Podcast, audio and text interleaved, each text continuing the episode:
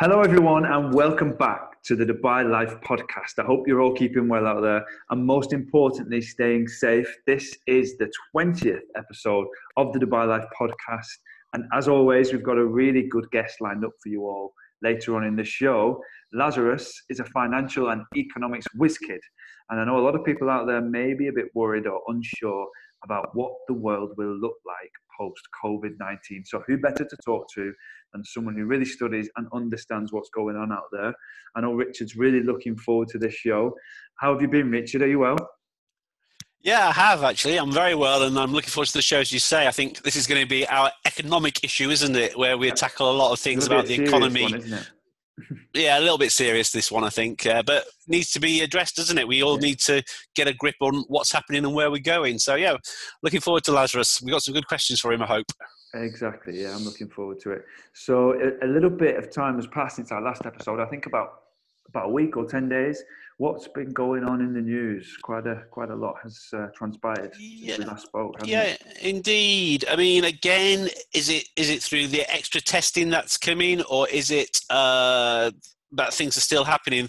Cases are hovering, aren't they, around what 700, 800 new cases a yeah. a day? It seems to have uh, stepped up a notch, doesn't it? Just just slightly. I yeah. think we're at 19,661 cases, 201 deaths. That's what's being reported anyway.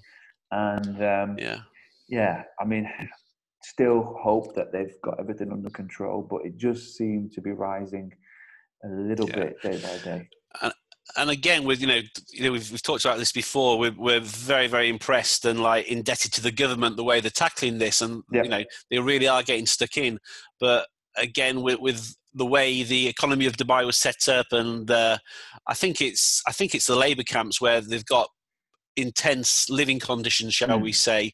And of course, they're going to be hot, hotbeds where this disease can can or this virus can flourish. You know, yeah. it's got to be it's got to be stamped on really, and they're doing their best. But it is again, it's just worrying times. It just doesn't seem to be sort of like slipping down. And no. again, around the world, we're beginning to see spikes of. Uh, of, of new cases coming back into mm. China, into yeah. Singapore, into uh, Hong Kong, for example. Yeah. Um, and, and now America is very relaxed about things. I get it. I do get it. We've got to have, on one hand, sensible living to beat this virus. But on the other hand, we've got to get the economy, the world economy, going again yeah. because the, the, damage that we will do to the economic standing yeah. of the world we might be fatal. How are we going to get, get ourselves out of it? I mean, I think Brazil, where the president has always put his head in the sand and pretty much denied it, but whereas now I think they're, they're at about 100,000 cases because it's quite a big country. Really? He's actually admitting to it, but he's saying, look, it's there, but if, if, if I don't say what I'm saying about getting business back up and running, Brazil will never recover. We'll go back to being a, a third world country with, with yeah. massive yeah. amount of, of poverty. Yeah, it's such a difficult one, isn't it? It's such a fight. It's such a difficult one, and of course, the leaders have got their political agendas with elections that might be coming up. They've got to be seen to performing well. Statistically, they've got to show um, businesses succeeding and, and people working and money coming in to the economy, and they can't just lock down the city. What I've seen personally, and what I feel is this whole situation has put a spotlight on how if somebody is unless it's unless it's a law not to go outside and, and, and do as you want, then people will just do as they want. And it's very difficult, mm. isn't it, to kind of have because in, in an ideal world you'd have people going back to work, but you wouldn't have them going out to the pubs or you know going out on the streets having a party. But I think as soon as people feel like there's a little bit of not freedom, but a little bit of you know going back to some sort of normality, they just kind of get washed up and feel yeah. like the whole thing's over. And until it's happened yeah. to you individually, it's just natural to feel like this is never going to happen to me and everything's going to be fine and just carry on as normal. Yeah. So it's such, uh, a, such a difficult one. Yeah. And again, we're lucky to live in Dubai because A, I think people seem to be quite well educated and and what's and do what's necessary. And again, the yeah. government aren't taking any prisoners on this, are they? You know, you would say if you get caught out after the curfew, so, which is ten o'clock. Yeah. So now uh, I didn't know this. To be honest, um, you, you're not allowed out anymore after 10 p.m. unless you've got a permit for a medical emergency. That's here in Dubai. I'm not sure about the other Emirates, but it's a 3,000 dirham fine for anybody that's that's mm. caught out after 10 p.m. unless mm. you've got a medical emergency. Yeah. And they're saying, look, during yeah. the day you've got enough time to get your essential shopping in, and if you've got to work, you've got enough time during the day to do that. So you yeah. shouldn't really be out after 10 anyway. Yeah, and and again, the government are out there, aren't they? In the malls, the shops, the shopping areas, how, checking on things. How has it been in the mall? I've not been not been to the mall in well since since the start of the lockdown really how how's it looking Do you know in the malls is it busy i was there i was there on the weekend uh, my girlfriend and i went to look some uh, keep fit okay. equipment i thought right it's about time we, t- we i particularly did something so yeah. we actually went to the mall of emirates and it, it's very sad actually because uh, a from right from the car parks to the first experience you know when you're used to five or six years of bustling malls and like seeing sort of busy shops and, and just that sort of atmosphere it gives off to go and see deserted shops they're, they're all saying you know 30% maximum sort of they've all got signs on the door saying how many people are allowed into that particular store yeah. but not one of them is anywhere near that. So stores were saying 60 people in. There was about two people in or you know Harvey Nicks. I walked past Harvey Nicks, didn't see any single buyer on the entire floor of Harvey Nicks as I walked past it on the way to Marks and Spencers. Anyway, so there you go. But yeah. interestingly enough, though, and this probably backs up, um, we went to the sports shops in the uh, Mall of Emirates to buy our dumbbells, etc. not one pair left, not one pair. So, oh, really? oh my goodness, never, yeah, not one pair. So so we came back out and right and again, I did it this today as well. Went onto Amazon. I thought, right, I get a, I'll get a kettlebell and I get a, a, set of the dumbbell, uh, dumbbells as well, and like get you know, come on, Crossley, get fit. So I sort of pushed, you know, pushed that. Yeah, yeah. Uh, sorry, sir, temporarily out of stock. Sorry, sir, temporarily out of stock. Everything's sold out all the way. Virtually all. Yeah. So I tell you what, mate. I think when things get back to normal and the gyms do open again, you and me and the rest of we real estate brokers are in for some serious injuries. We're going to be kicking so many redundant kettlebells and dumbbells on the floor of various mm. apartments and villas that we go to. We're going to have some serious injuries. Real estate agents' toes, shall we say? Anyway, there you have it. For viewings. Yeah. Um, but yeah, uh, it does seem to be. Uh, what about gyms, though? Have yeah, you heard what's happening with gyms? Um, well, I've seen that, like we said before, some of the gyms have been doing this intense cleaning program. Um, what, what, was it? Was it TriStar Gym that you, you mentioned? Uh, Gym Nation. Gym Nation, yeah. Gym Nation have been doing this really uh, intense cleanup uh, and sterilization of all their gyms and equipment. But like you said, for the for the gyms, as soon as one person uses that equipment, it's uh, it's back to square one, I guess, isn't it? It's going to be a tricky one. Mm. And I know a lot of the gyms were um, really focused on the, the classes, and in the class you'd have at least you know ten to thirty people.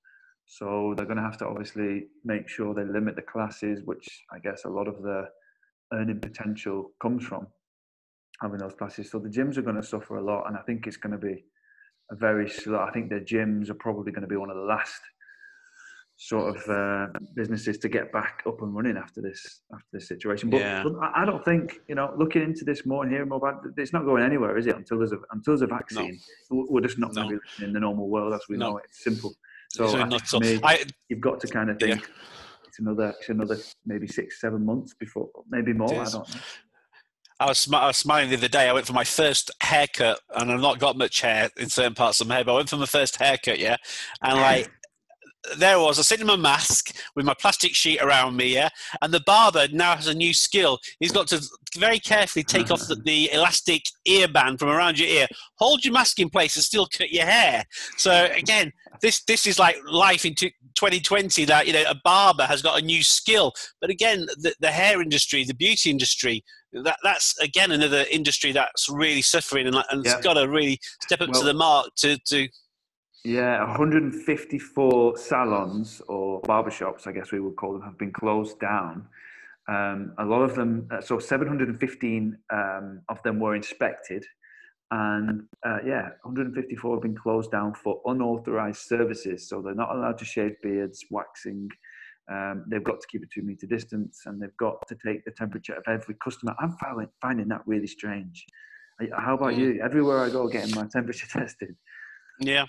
So no, it is. It, it's it like is, it? It's strange, in, but another world. I yeah. went to um, yeah. I went to get the car uh, sorted this morning, and before I could drive in to the showroom, where the back of the showroom where, where you drive the car in, um, yeah, you had to wind your window down. The guy puts his hand through with a with a laser thermometer, shines it in my face. Yeah. It's just madness. strange. It is, isn't it? No. Uh, um, I was going to say. Well, positive news: the 1.2 million donations for the world's tallest donation box has been achieved. So Sheikh Mohammed's got his target of 1.2 million meals have been provided. So I, have seen they've lit up the Burj Khalifa with all these donations. Some of the big mm. contributors were Amazon, they got involved, Tiger Group, Visa, Masafi, the Atlantis got involved, TriStar Group, Mac Holding, and Westzone. So yeah, really good to see those big uh, companies get involved with uh, with the local charity. Yeah. Good, good. No, again, as we said many times, we've all got to sort of get stuck in and help one another in these times, and uh, perhaps slightly change our outlook on life. So, yeah. Uh, yeah. But as, going back to it, you know, it's very sad the way um, restaurants in particular. I was reading an interesting stat. Do you know that 10% of the entire workforce of Dubai is, is employed in the food and beverage industry?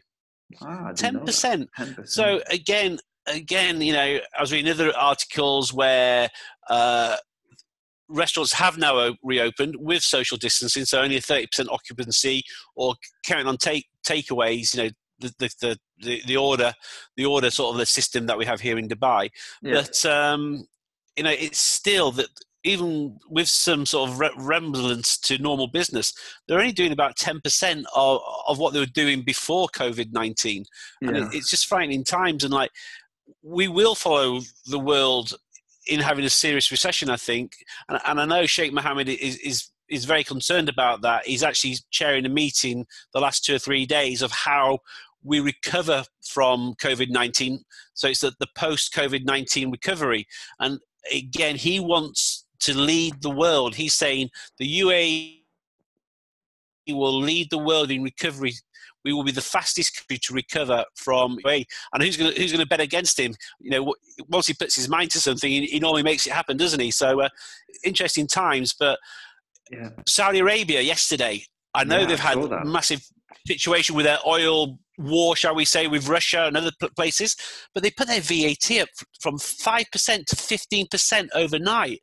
That's that's an enormous increase, and especially at a time of pain. Brave steps from Saudi Arabia, was, do, you, do, you think that was completely unexpected? Yeah, I, I, I apart from those in the know, yeah. I mean, it, yeah. It took, no one was talking about it. You know, you and I sort of read the news every day. No one's saying, "Oh, there's whispers, there's news that yeah. Saudi Arabia are going to like uh, uh, sort of increase their VAT, not by two percent, not by five percent, but a massive ten percent from five percent to fifteen. Now, the UAE introduced VAT the same time as Saudi Arabia did.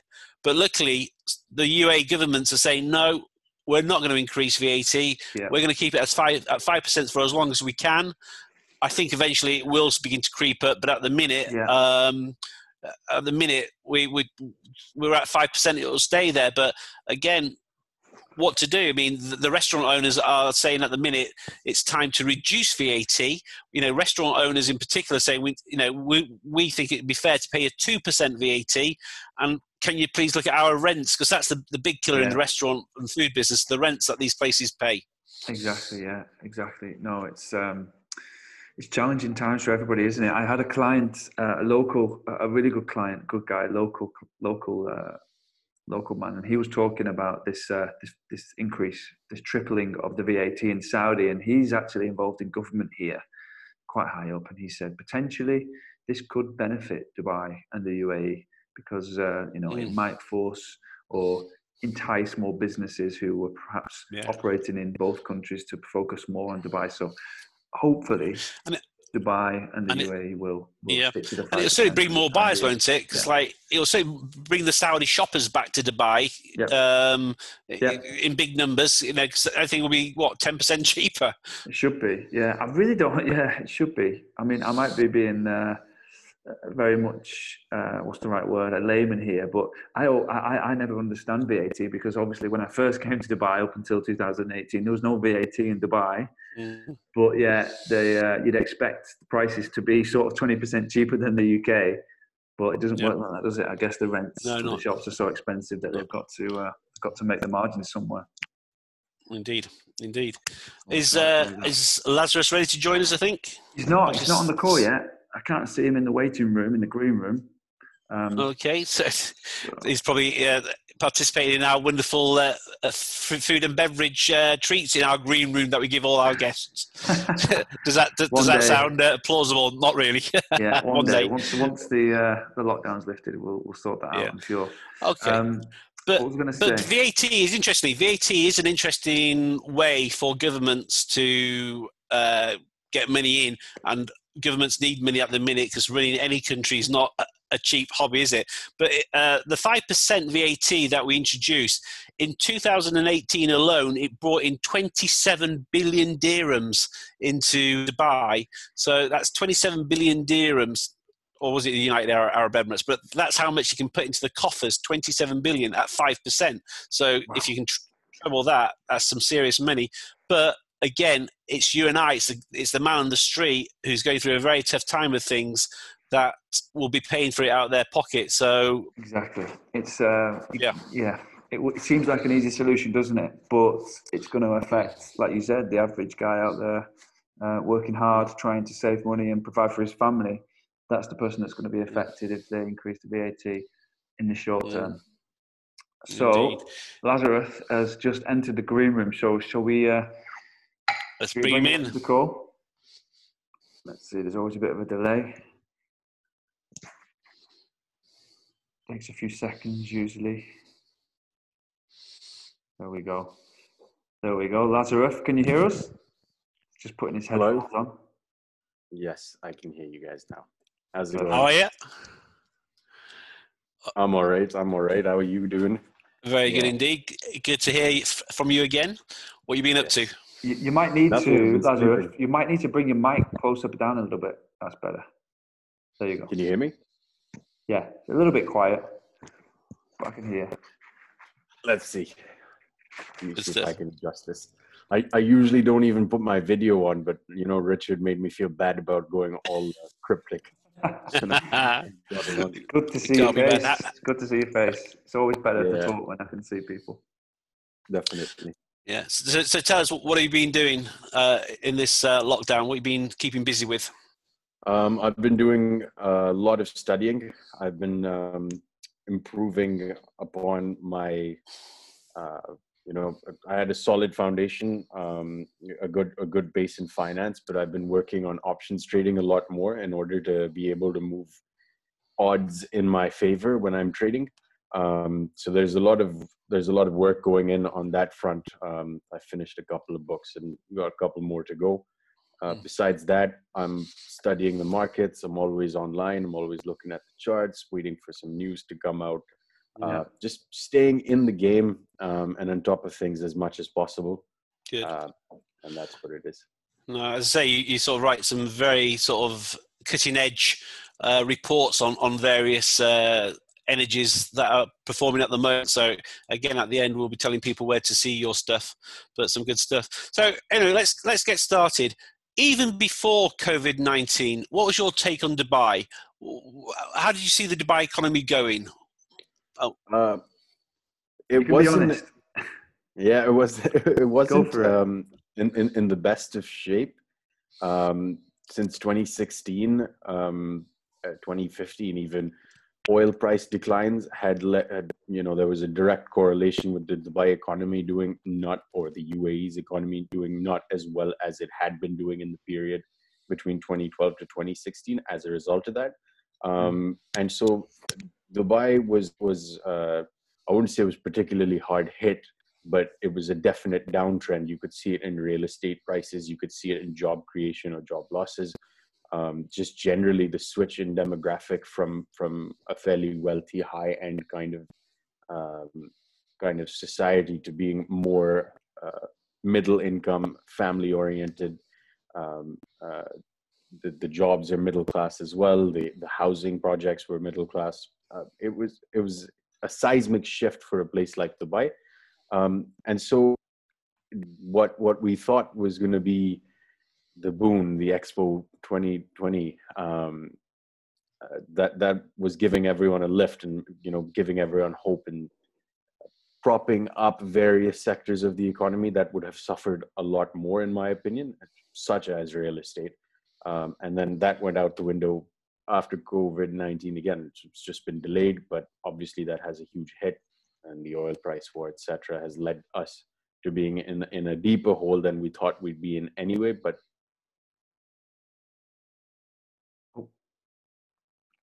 Can you? I think we've lost. We came to and the timing of it, the first couple of months, yes, this is the year of uh, Expo 2020. This is the time that we're going to rebuild ourselves, put Dubai back on the map.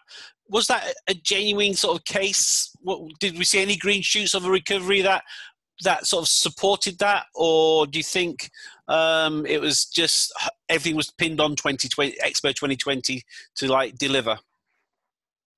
Um, I think I think it goes both ways. Really, um, the Expo 2020 in in some way, or the optimism behind it in some way, can be a self fulfilling prophecy. Like just because you'd invest so much money into seeing what would happen at the time of the uh, at the time of the event, some of that does show up. Um, obviously, if we look at real estate, January and February were were awesome months. Um, sales were up.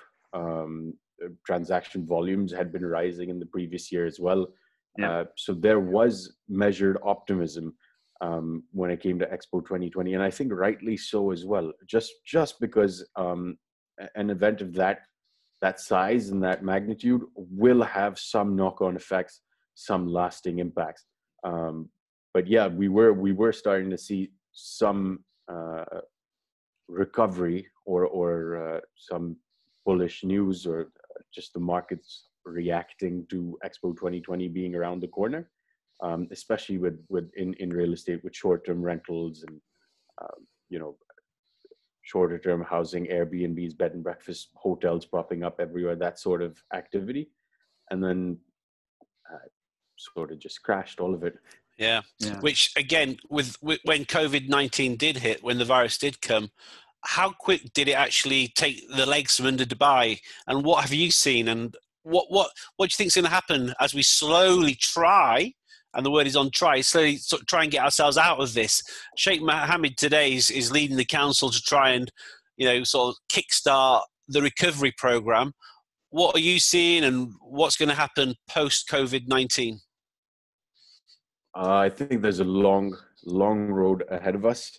Um, I think everyone, everyone was blindsided by this, um, and and the legs had been taken out from under us, or the carpet had, the rug had been pulled from under us long before we knew it. Um, everyone, all across the board, all over the world, uh, whether you take Donald Trump in the U.S. or Boris Johnson in the U.K. or here in Dubai, um, everyone was in a state of denial um, about how how impactful or or how long term this pandemic was going to be and we really saw that come to a head in March, early March, um, the oil price war, and then the WHO um, declaring COVID nineteen to be to be a pandemic, and that completely destroyed any any sort of hopes that we had for this year. Or you know, stuff evaporated overnight. Um, yeah. Value was taking off taken off stock markets, lost billions and billions of dollars literally overnight. Um, so yes, we're you know everyone is trying to um, trying to put together plans of action to to get us out of this. I was reading something yesterday that said that 15 billion dollars is the is the global amount of stimulus that has been injected into the markets to try and get us out of this madness, which is equivalent to the entire U.S. debt at that time. Now they've taken more, two to three trillion dollars more. Um, but yeah, there's uh, there's a long road ahead of us. Um, hopefully, hopefully, our leaders uh, all over the world can uh, can make sure that they do right by the people at the end of the day. Because um, there's there's a lot of folk that are suffering. Um, we we're still privileged and lucky to be in in the places that we're at and and in the situations that we're in um, but you know we're going to start seeing food shortages medicine shortages healthcare systems are going to be completely overrun if not being completely overrun already. And those are the people that need to be helped first um, yeah. and then the economy will exactly. will, uh, follow.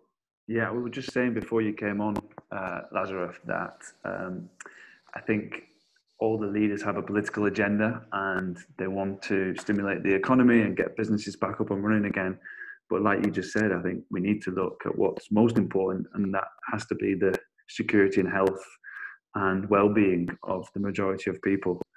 And that's kind of the tricky situation that leaders are in right now because they do need, you know, they need economy to, to run again, but it's uh, may or may not be the right time. I, I guess it's uh, until we have a vaccine, it's just not going to be a normal world, is it anymore? Fair enough. Yeah, no, I agree with that. And that also reminds me of something um, an executive from the American Petroleum Institute said. Um, he, he was being critical of, of uh, the administration in the US and basically saying you can't have capitalism on the way up and then socialism on the way down. Um, I don't think, in, in my opinion, I don't think we have a choice at the moment. I think we need to help whoever governments need to help and also us. We need to help whoever we can help, wherever we can help them, um, yeah. because that is the long term, the, the, the long term route to getting everything back running. Um, as you said, yes, everyone has a political agenda. You know, they want to help those that will help them get reelected, or yeah, yeah. Uh, you know, interesting. Fig- figure things so, out in that way. Because it was a double whammy, wasn't it? Just as COVID hit, the oil war and one of the, the big commodities that you follow closely in trading is oil isn't it? So we, we tell give us the background of what happened to oil in, in early 2020 and where we are now and where you here's a million dollar question. And if you knew the answer and can tell me the answer. We can make some serious money on this. Where are we going to go with oil? So tell us the background of oil at the start of this year. What happened? The reactions to that and where we're going to go with oil. Because is oil still an important commodity in the world today? Most definitely, it's the lifeblood of the economy. um, it still is. I wouldn't.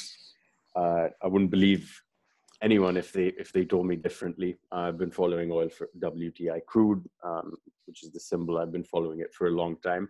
Um, and and just just to give some background, where, where I want to start is uh, is last year when when the big the big uh, discussion in the oil markets um, online, on Twitter, in various forums was all about supply glut.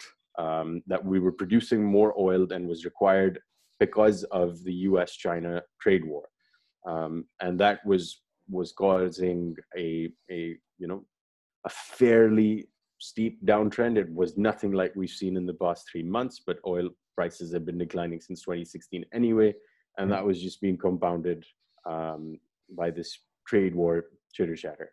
Uh, however, when, when COVID 19, uh, when the coronavirus broke out in Wuhan and then Wuhan was shut down, that just completely took China offline. And so the oil price suffered as a result, um, leading into February, where oil prices were hovering around $45, $46. Um, I remember um, in March, there was, there was a Friday where I finished trading and, and markets here close in Dubai at 1 a.m. on Saturday morning, so Friday night. And I was having a chai at, at a small cafe with a friend of mine. Um, and we were we were going absolutely you know we, we were having a discussion about what had just happened because the oil price at that time was trading at $41.10 and it closed the day at $41.60 saturday sunday happens um, it's the OPEC meeting, OPEC plus meeting. Saudi and Russia cannot agree to to production cuts, to sustained agreed production cuts, and Sunday, uh, Monday morning, the market opens with oil trading at thirty-two dollars, thirty-one dollars a barrel, a ten dollar drop on the weekend. And that day, it made a low of twenty-seven sixty-three. I'll never forget that. Twenty-seven twenty-eight, I think. Um, and I was I was just in shock. I was at I was at office. I was staring at the trade screen. I was uh, talking to my coworkers. I was trying to relay the the enormity of that situation, I was I think I was falling on deaf ears at that time. But um, but yeah, so that that's that's essentially what happened with with crude oil. The price war, the supply glut, and the coronavirus all all came together to sort of make this perfect storm, mm-hmm. um, and and really just prices plummeted, and then we saw that culminating in Black Monday in April, where prices went into negative territory for the first time in history, minus thirty-seven sixty-three. Wow. Um, but, but that was an, an, an anomaly, wasn't it? It wasn't that it was the, at the end of, of trade contract, contracts, wasn't it? Before they had to be re, re, rewritten. So that artificially dragged it down even further. But it was this, as you say, this perfect storm. We, where are we today? Is, is oil recovering? Is it getting back on its feet? Where are we up to? Yeah, most definitely from there, from negative 3763, it's most, you know, it's recovered quite a bit. Um, as you said, yes, that was also, you know, that was an anomaly. It was never supposed to happen. You know, people who had who had predicted it were also discussing it uh, negative pricing in it could happen nobody was ever going to advise someone to trade on the fact that oil was going to go into negative territory um, i certainly didn't think it would go into minus 37.63 currently oil is now trading at uh, markets open at 25.52 it's recovered significantly. A rally has started around the 24th to 28th of April, and that's that's still ongoing. It's consolidating in a range, um, but it's much better than before. Will it build back to the demand post COVID, or, or, are we going away from oil into like new energies and we'll post a, a post COVID world see an absolute a, a, a less necessity for oil? Um, this is this is something that I'm currently working on. Uh, there'll be a special edition of of the Laz report on where I see demand going or demand for oil going in the future.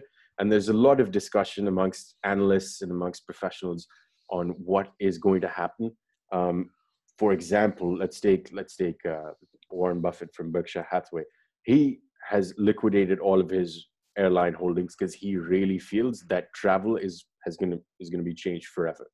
Um, that has a direct result on um, oil consumption. I believe kerosene is eight percent of total oil consumption, like the products that are produced from crude oil. Um, so if that that falters, that's quite significant. Other than that, um, in the short term, I don't think demand will cover the supply that is that is that exists. We heard yesterday that Saudi is voluntarily voluntarily uh, cutting another 1 million barrels of oil uh, per day from their production um, and asking Aramco to cut some more if, if possible. Um, the UAE is also adding to that. I think the UAE and Kuwait are adding to that as well. Um, and what this will essentially do is alleviate um, concerns of, of a future supply glut. There is an existing supply glut right now, but to stabilize the price at you know, for, for WTI, I would assume between 28 and $32 or $35 um, at the absolute upper end for the, for the rest of the year, I believe. Um, I think, I think it'll have a, an effect in stabilizing the price, but will it, will it get rid of excess supply immediately or in the short term? No. Will demand recover enough to get rid of the excess supply in the short term?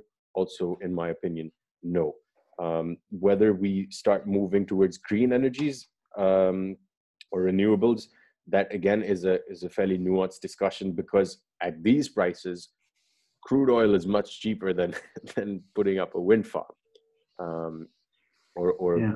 producing solar batteries um, so again it, it just becomes a discussion of where we are as a species really. Do we yeah. want to do we want to you know? I guess it's Sorry, again on, comes down to that that we know well we know it's right but is that going to you know if, if donald trump sits there and pushes pushes green energy a lot of his supporters and a lot of industry you know uh, a lot of people are going to lose out on business and again it comes down to what's right doesn't it like you said the human species i think we should be leaning towards green energy but uh, i think what, what, it's not easy. But there's there's all the time there's new energies coming into play, isn't there? In the USA now, what percentage of the of, of the market has the shale gas taken off the oil industry?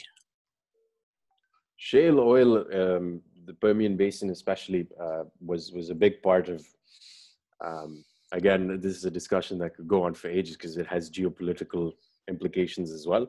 Um, the U.S. wanted to be energy independent. Um, they have been pursuing that as a national interest and as a geopolitical goal for the past eight, nine years or so. Um, as a result of which, there was the original price war in oil against shale. Well, not the original, but the most recent one uh, in 2014, 15, 16, where the Saudis decided that they were going to produce more and more oil to drive the Permian producers or, or the shale producers in the US out of business. That did not happen. Um, the US became, I think, by far the largest producer of crude oil, uh, and it became a net exporter of crude oil last year as well. Um, I think their capacity 13 million barrels per day, which is now dropping, and the rig counts are dropping because the uh, it's a free market system so there are extreme inefficiencies. There are small and medium term, uh, medium size producers of oil in the Permian Basin and the Bakken area as well. Um, so they they did take away all of well, they were still importing from Saudi, but the majority of American needs were met through Canadian imports and U.S. shale, um, and that that uh, I mean that won't change so much in the future because of all these stimulus pack well short term future because of stimulus packages and stuff but i think i think shale goes either out of business or it the processes will have to be improved um, the efficiency will have to be, be increased and it might just happen that companies such as chevron and exxon will consolidate in that area and pick off or purchase um, smaller shale producers for for dimes on the dollar um, indeed, indeed. Yeah. So interesting. So listen, you know, I'm worried now. I've got my 10 dirhams of investment money in oil. Do I keep it in oil or do I go to gold? Or do I go to Bitcoin? What, where, where, where, where should I take my 10 dirhams to, to maximize my profit return? Tell me that. I'm going to I'm going to say this, and this is this is the theme uh, on which I've created the Lazarus the Laz report on. I've been wrong before and I will be wrong again. So that's the disclaimer. I like that However, um, yeah, I mean, like nobody, if someone comes to you and tells you that, you know, they've got a crystal ball and they're going to be able to make you X amount of money in X amount of time, it's, it's a lie. yeah, it's a bunch of BS. Um, so I'm honest, and uh, and I'll tell you what I'm doing with my money, and if you like, you can you can follow suit. Um, I I do believe that uh, after a small pullback in crude oil um, over the short to medium term, which is the rest of the year or the second half of 2020. Um, crude oil prices should increase for WTI crude to about $32 a barrel, looking at $32 a barrel around September, October. Um, Bitcoin, I, I really love the asset. Uh, if someone had picked up Bitcoin a little bit earlier this year, they'd be fairly happy um, while this whole procession of, of, nonsense was going on in the financial markets, Bitcoin held fairly stable and, yeah. then approached the ten thousand dollar level again. Um, it's repeated. It, sorry, sorry, sorry, is Bitcoin now seen as a safe haven? Or is it no. still that sort of like wild cousin that you're going to take a real risk? You know, as I say, it went as high as 19,000, it crashed back down to what, three and a half, 4,000. Is it more stabilized now? Oh, and again, so, for, what's what's this? Explain to a, to an idiot. What's this halving business all about? That's happening. Is it today or tomorrow? What's the what in business? Ah, you see, Liam. You see, you're uh, not you're not up with it. You're not down with it. halving it? in the BTC world. Halving. Okay. Yeah, I'm not, I'm not up to date with this. Um, halving. No, it's a fairly, yeah, it's it's it's a fairly interesting concept. So there's only a finite amount of Bitcoin, 21 million Bitcoin, that can ever be produced or mined. Um, you get a fixed amount of Bitcoin for completing a block, which is verifying. So there are rigs, they verify transactions, and they get paid out in a set amount of Bitcoin um, for completing the block. So that block, it, it gets, it's halved every three years, three and a half years or so. I believe it's like 1,345 days or something like that. Um, and so what that essentially does is it cuts the supply of new Bitcoin. Um, so if you're cutting supply of Bitcoin, laws of supply and demand, if the demand stays the same, then the price should rise. Um, and that's that that happened last night. And uh, uh, usually nothing really happens at the halving. Um, stuff happens before the halving, like prices. People buy into it, thinking that okay, you know, supply is going to be cut, and then we're gonna we're gonna be sitting on something that will, you know, have a multiplier effect or go up 50% in X amount of time. Um, so the price of Bitcoin rallies closer to the half halving, and then uh, after which there's there's a sell off, and we see it rise uh, three to four months later. Um, what's happening with Bitcoin currently is Bitcoin has started attracting a lot of attention from institutional investors. Paul Tudor Jones, um, he's he's a hedge fund yeah. big hedge fund dude. essentially, he's also investing in Bitcoin. And the reason they're doing this is because now the US is just printing money willy nilly, and the US dollar is the reserve currency of the world. So eventually, after a period of time, there's going to be mad inflation. Um, a lot of people are fairly fairly conservative with uh, with where they think this economy is going, especially the stock market. It's it's you know not even nine percent off the highs of earlier this year, even after this pandemic and this oil price war and 14.7% unemployment in the US, 22.62 million people unemployed. Um, the Federal Reserve is not bullish on employment. They think unemployment could rise as high as 24%. And mind you, unemployment doesn't include people who are already unemployed or illegals or people who are working part time. You know, the, the equation is, is fairly bad. 22.6 million people in the US are currently considered unemployed, with that number set to rise over the next month as well. And the stock market is not reflecting that. Um, so people are flocking to Bitcoin as an alternative investment. Um, but will is it a safe haven? No, it is absolutely not a safe haven investment. Uh, it's still extremely volatile. What is so? what, what is a safe haven? Gold. Gold. Let's let's put my ten dirham in gold. Let let's come on. How, is gold, gold the answer? As, is gold the answer? you can buy a physical uh, amount of gold, like if you can buy ounces of gold or bars of gold and store them somewhere nice, excellent. But if you're trading gold futures, again, um, anything is possible. Uh, what, what's happened to the price of gold through all this, through the COVID? Is it a safe haven? People have put their money in there. What is the price of gold? Is it going up, going down? Uh, gold is fairly stable at about seventeen hundred dollars um, per troy ounce, um, and it's it's remained there-ish. I mean, it dropped all the way down, dropped quite low um, before this entire pandemic nonsense began. It was at sixteen seventy-eight. Uh, you know, earlier in earlier this month and in April as well, but it's remained fairly stable at 1700. I don't see it moving, deviating too much from there. Um, that it's it's gold at the end of the day. Um, people, especially in this part of the world, in in Pakistan, in India, um, in China, uh, gold is it's it's it's got some sort of reverence, relevance. People people like purchasing gold, um, and so it will always have value in this part of the world. But I would suggest if you want to just store some money away for a while and not touch it and not be able to reach it, just just buy a block of gold and put it in the safe.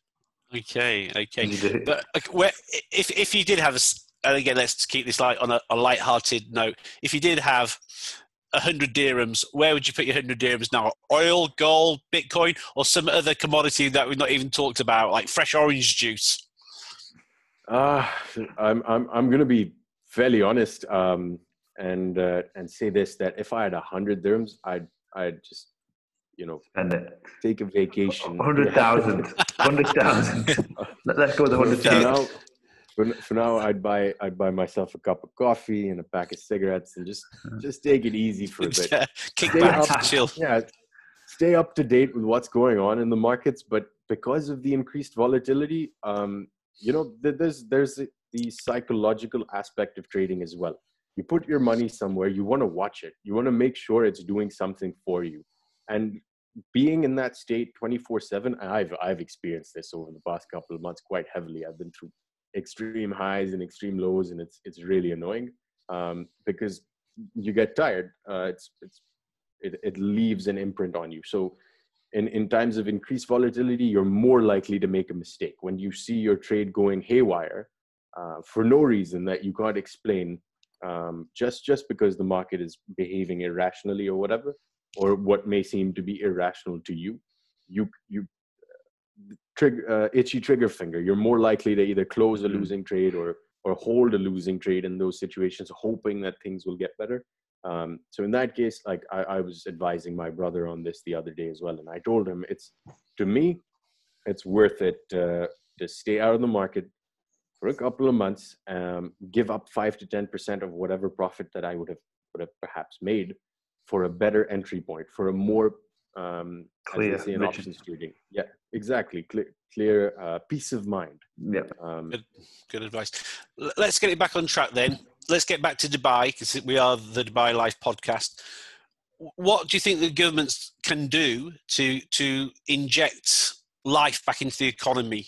And again, this this is going to be a double edged sword. It's going to be the first question is what do you think the government can do, and what are they doing? But more to the point, if I made you CEO of Dubai Inc., what would you do to get Dubai out of its doldrums post COVID? So there's two questions. What do you think the government can do and are doing? And then, more to the point, if I promote you to be CEO of Dubai Inc., what would you do to pick Dubai up? Um, to start off with, I'm just going to say that I really think that Dubai is doing, or the UAE is doing something very important that we don't see a lot of other countries doing, and that is the amount of testing that is happening over here. I believe yeah. we're we, 1.1 million people have been tested um, yeah. as of as of day before yesterday. I don't. I didn't look at the figures from yesterday just as yet. That's nearly a third of uh, yeah, well, third of Dubai's population, but that's the UAE, isn't it? Yeah. It is fantastic. yeah. We, have said that many times, haven't we? That you know, we, we, we're full of praise the way the government have tackled this. It's not easy, and like they're doing their very very best and i couldn't think of anywhere i'd rather and i'm not just saying this to blow smoke and like say rah rah dubai i can't think of anywhere i'd rather be at the moment in the world other than Dubai. It's one of, one of the safest places to be at the moment. I, I think that's a fairly accurate statement uh, that mirrors what I th- I believe as well. With the sterilization program, 6 p.m. to 10 p. Uh, 6 a.m. to 10 p.m. You can be outside, and then after that, there's the curfew. Uh, everyone must be wearing masks. It's fairly regulated. Um, mm. It's really well done. Like what they've done with the radars, they're just going to pick up cars that are out on the street past 10 p.m. because um, they just don't want that happening. It, it, it is uh, you know like in in in in some circles in the west we we have this discussion of oh you're giving up lib- these liberties now for these uh, you know uh, it, it's it's becoming quite um, centralized and regulated but that's the way you have to tackle these things uh, in my opinion of course um, you have to give away something to for for the betterment of this this entire country and and all the expats and residents and citizens that live in it. Um, I think we'd all be better off without this virus. So if in if this helps, if testing helps, um, if identifying cases helps, if lockdowns help, I'm all for it because we we the whole world came to a standstill anyway. Yeah. So it's okay if we if we stand still for another. Yeah, we're not going to lose ground. Yeah, we've already lost more ground than we can recover this year anyway. Yeah. So we, we might as well give it our all and, and, and tackle the crisis at hand, take it a step at a time and not rush into anything, which is again something that Dubai and the UAE government is doing super well as when compared to, for example, the US. Oh, let's open everything up. Um, yeah. States don't want to open up. New York doesn't want to open up. You know, the, the federal federal government, the White House administration can't uh, hold their horses. They just want to open it up as fast as they can. So I don't agree with that. I agree with what we're doing over here. Um, and yes, it is frustrating. I do want to be out. I want to go meet my friends, sit on the beach, have a chat. Um, but at the same time, I completely understand why I can't. And that's just a little bit that I have to give up for hopefully something better in the future. Yeah. Yeah. Very good point. Um, I, so, so like Richard said, let's, you're now in control. You have all the power that you've ever wanted? Well, I'm not sure if you would want it, but you're you're in control of Dubai. You're you're the leader here. What is there anything that you'd implement? Anything that you'd do specifically to to help us get through this situation that's not already being done? I would love to be in that situation, oh, but really? I also have to. I also have to say that I'm probably not the best equipped to be uh, offering any sort of um, criticism or advice on on on those sorts of things. I really do think that's the domain of medical professionals currently. I yeah. don't think you need someone like me. Just you know. No, look, uh, Lazarus. What I'm trying to get, you know, you're a clever guy on this kind of thing. How'd you get trade going again? How'd you get? Uh, how'd you get the economy? That's why I'm. I, is there anything you would do to stimulate job creation or trade? What what, what would you suggest, or what have you heard that the government's doing? Just interested to know what steps are available and what steps you'd take. Richard, who are we going to trade with? um, the I think, honestly, I think the UAE government is doing everything that they can, and within reason, um, everything that they should be doing in order to get trade up and running. There are essential businesses um, that that are just you know the lifeblood of the economy right now um, that are you know we're in real estate uh, agents are continuing to work. Um, the ports are operational sure at you know less capacity but there there's no need to increase that capacity yet. The the trade-off is too high. Um, you know what what i the only thing that i would like to see happening is that perhaps we could use this pandemic and this crisis as an excuse to increase the measures or, or, or help with the ease of doing business. Um, mm. There are things that the UAE is well placed to implement, for example, blockchain technologies, digital transformation in the banking sector. Um, we've, we've already come in leaps and bounds. Our Emirates IDs have all of our information on it. They have our fingerprints, our medical records, etc., etc., our insurance policies. Now, if we could start improving on that because a lot of workplaces everyone is working from home everyone's working remotely. If somehow we could um, I, I want to phrase this well if somehow we could uh, implement a system that considers this to be the new status quo that considers this to be the default setting i think we'd be so much better when we do come out of this crisis where everything is available at the snap of a finger, click of a button. Um, everything is with you all the time. Like when we discuss uh, signing of contracts, for example, signing of tenancies, validating information, validating medical records, validating identification. I think this is a great excuse um, and a great time for people to start innovating on those sorts of activities and to bring those to the forefront. This, this is the catalyst that we needed for digital transformation. Okay. Good. Love that. we spoke about that before a few times, like taking advantage of this situation and coming out of it uh, in, in a better way and in an advanced way and digital transformation, like you said.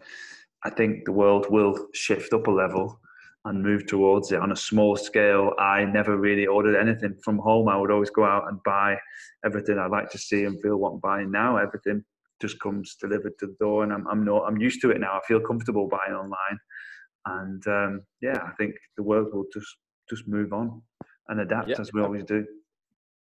We must, and that's the thing. We and, do always adapt. exactly, exactly, and and like working from home, for example, something that I'd never done before and wasn't sure how it would go. And it's once once you get your rhythm and you get your routines, it's perfectly fine. And I think a lot of businesses will start to operate, you know, through this uh, this these Zoom channels, and I think uh, the way that we do business will change. Definitely. Couldn't agree more, to be honest. Good. So I think we can like we can save the blockchain discussion for another episode. Yeah. And I, I know you, you, can't wait to talk to us about blockchain. Um, yeah, no, it's again one of the things that I've been I've been uh, harping on for a while. I've been screaming it from the rafters. I just need Future, someone right? to listen. I definitely think so. If if not in its current form. Um, yeah, potentially not just, just with currency, but with everything pretty much in life. Any kind of contractual agreement, it's the yeah, future, right? It has it, to be. It, it, it does. It um, it poses a problem um, because how how quickly and how readily it'll be adopted the technology, yeah. uh, even even when it comes to um, different uh, different purposes besides currency um, is is readily available. It's ready to go. Uh, it's just that we need to, as with anything, it's the adoption that makes the system. Um, and adoption comes from, I believe, a big big form, big push for adoption is institutional. Uh, institutional adoption. If a government yeah. adopts it or yeah. a company adopts it, uh, it, it, changes the game quite a bit. But yes, have, this, they have to give up a bit of control, don't they? And and a bit of uh, they're not really they're giving the control to the individuals. Um, you know, so you can have some contracts themselves as opposed to having to have everything verified through the government.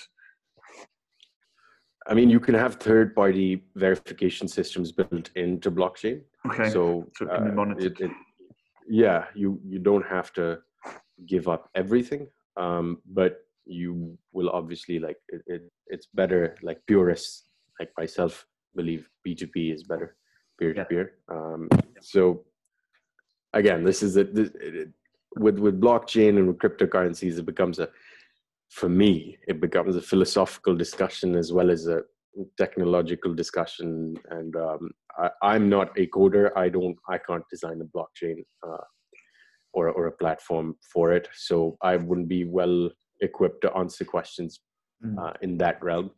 Um, but yeah, we can we can do a we can do a another episode where we can have someone yeah. on. But yeah. it's coming, isn't it? It is coming. There's no yeah. two ways about it. Blockchain is definitely coming. Yeah, if it's here in some capacity, um, but more to come, definitely. Good, good. Right, shall we uh, lift it to a, a, lighter level, Liam? Shall we ask our two favorite questions? Let's do it. So the Dubai life, we always have uh, a couple of questions at the end. Um, I'm not sure if Richard's prepped you for this or I'm putting you right on the spot here, but we'll find out. So your perfect day in Dubai, what would it be? How would it start off? What spots do you like to visit?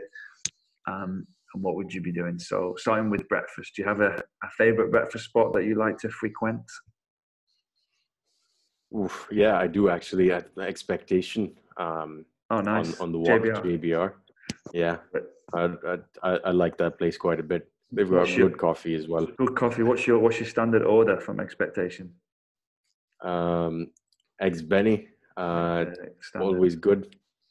yeah, uh, good. safe, and an orange juice. Obviously, OJ always. Um, yeah.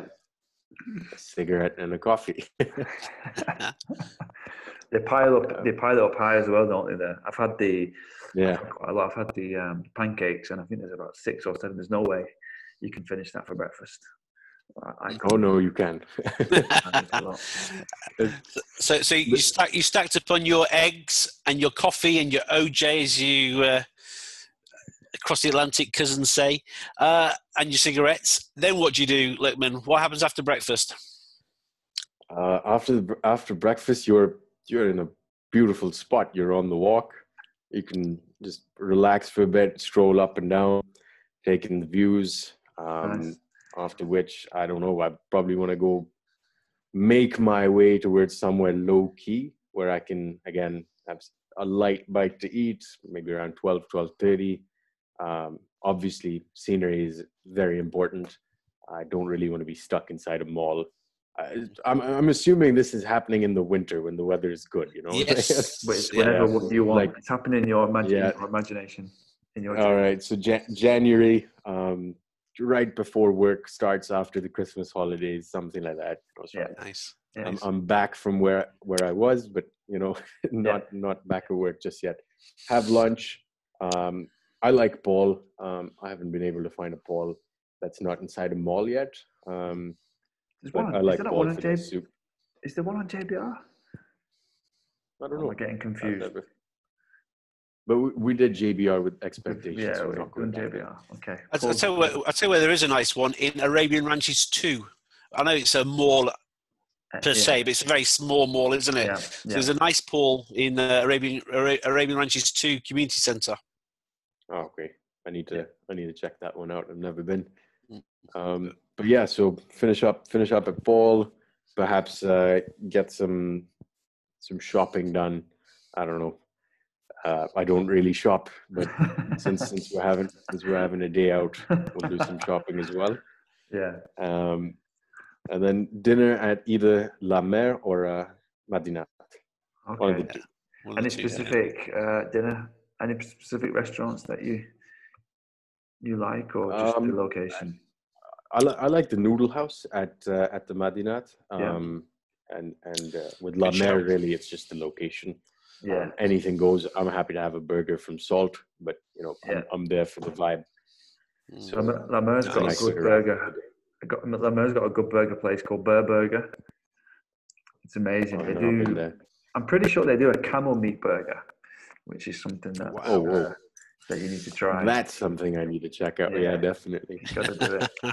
something to uh, report back home and tell your friends about. Yeah, sounds good. Sounds good. And um, yeah, so that's pretty much it then. So that sounds like a, a fun day. And the last question that we always ask, and this uh, you might have a good answer for this, having dabbled in real estate and worked with us at luxury property. What's your dream home in Dubai? If you had unlimited budget right now, what would you be looking at? Where would you uh, where would you choose to live? Unlimited budget. Unlimited. Uh, Unlimited, but I want you to be honest and give me a real, you know, think about what you'd like, not just a massive mansion with eight bedrooms. Maybe you'd like that. I don't know. Personally, I think it's a bit too much. No, I've I've always been a penthouse kind of guy. Yeah. I, I like. Uh, okay. Um, I, you know, if if I had to buy a villa, then perhaps something on the bottom, on the fronts, um, with some water. Uh, but uh, at the same time, I wouldn't mind. I wouldn't mind a nice, fairly spacious, open concept penthouse somewhere in the marina or downtown. Yeah. Um, maybe four bedrooms at the max, and then you know, just I, you know what I really like, and and I just don't like the location. Uh-huh. Um, but I love what 22 residences have done. That to me is mm. uh, the perfect apartment for myself. Maybe it's it's me at this age, and maybe in the future, you know, you have families and stuff. It's a little bit different. But right now, what I wouldn't give to live in an apartment of that style on the beach. Um, I know, I know, it's in Business Bay. Oh, uh, 22 residences. Okay.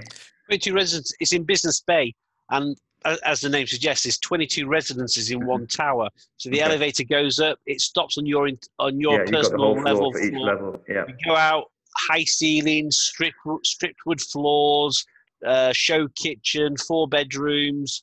Beautiful. It really, what, it really is impressive. And what's the interiors like? What style are we talking?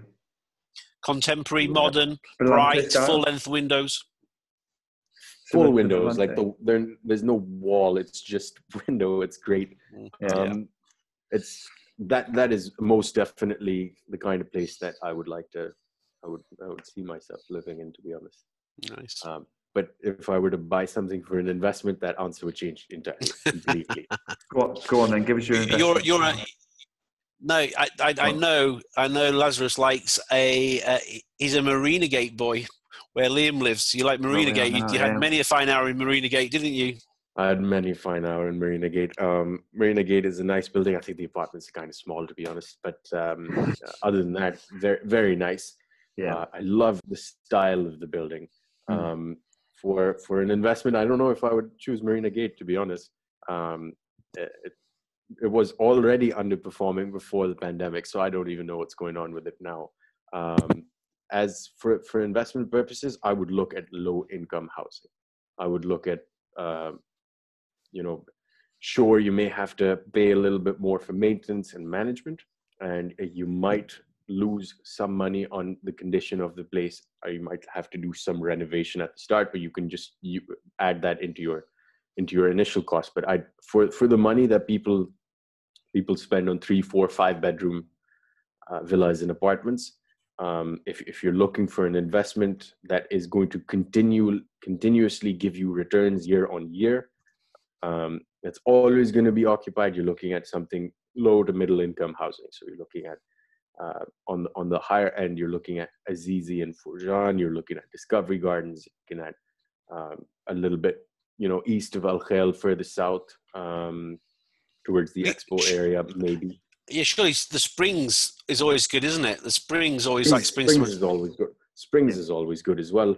Uh, greens, um, again, that like those are um, bachelor apartments. I, I like to think of them as as single uh, single people living in those apartments. Uh, people who are uh, transitional, who are here for two to three years, don't really know what their plans are. Um, those are always going to be rented. So, or, or or most of the time, they're going to be rented. We're currently in unprecedented times, so disclaimer: I don't know what's going on, but but for investment purposes, I think Dubai has a lot of uh, bang for buck. Like there's a lot of value here. Yeah, Good stuff. for sure. Good. Yeah, brilliant. Okay, so you mentioned uh, the Laz report, is it that you run? Yes. How can people I've, find I've, out? How can people find you?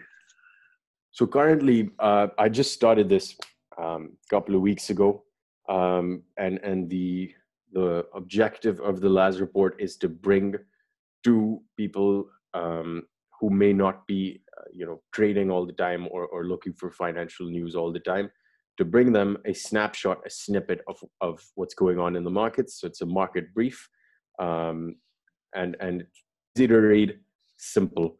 Um, if if analysis is needed I, I, that can be provided as well currently it's only sent out to people who have subscribed for it so uh, for example richard he gets he gets a morning uh, that's how he stays so informed. That's it. That's how I've got my hundred dirhams well, well, looked after by the lads. All very yeah. good.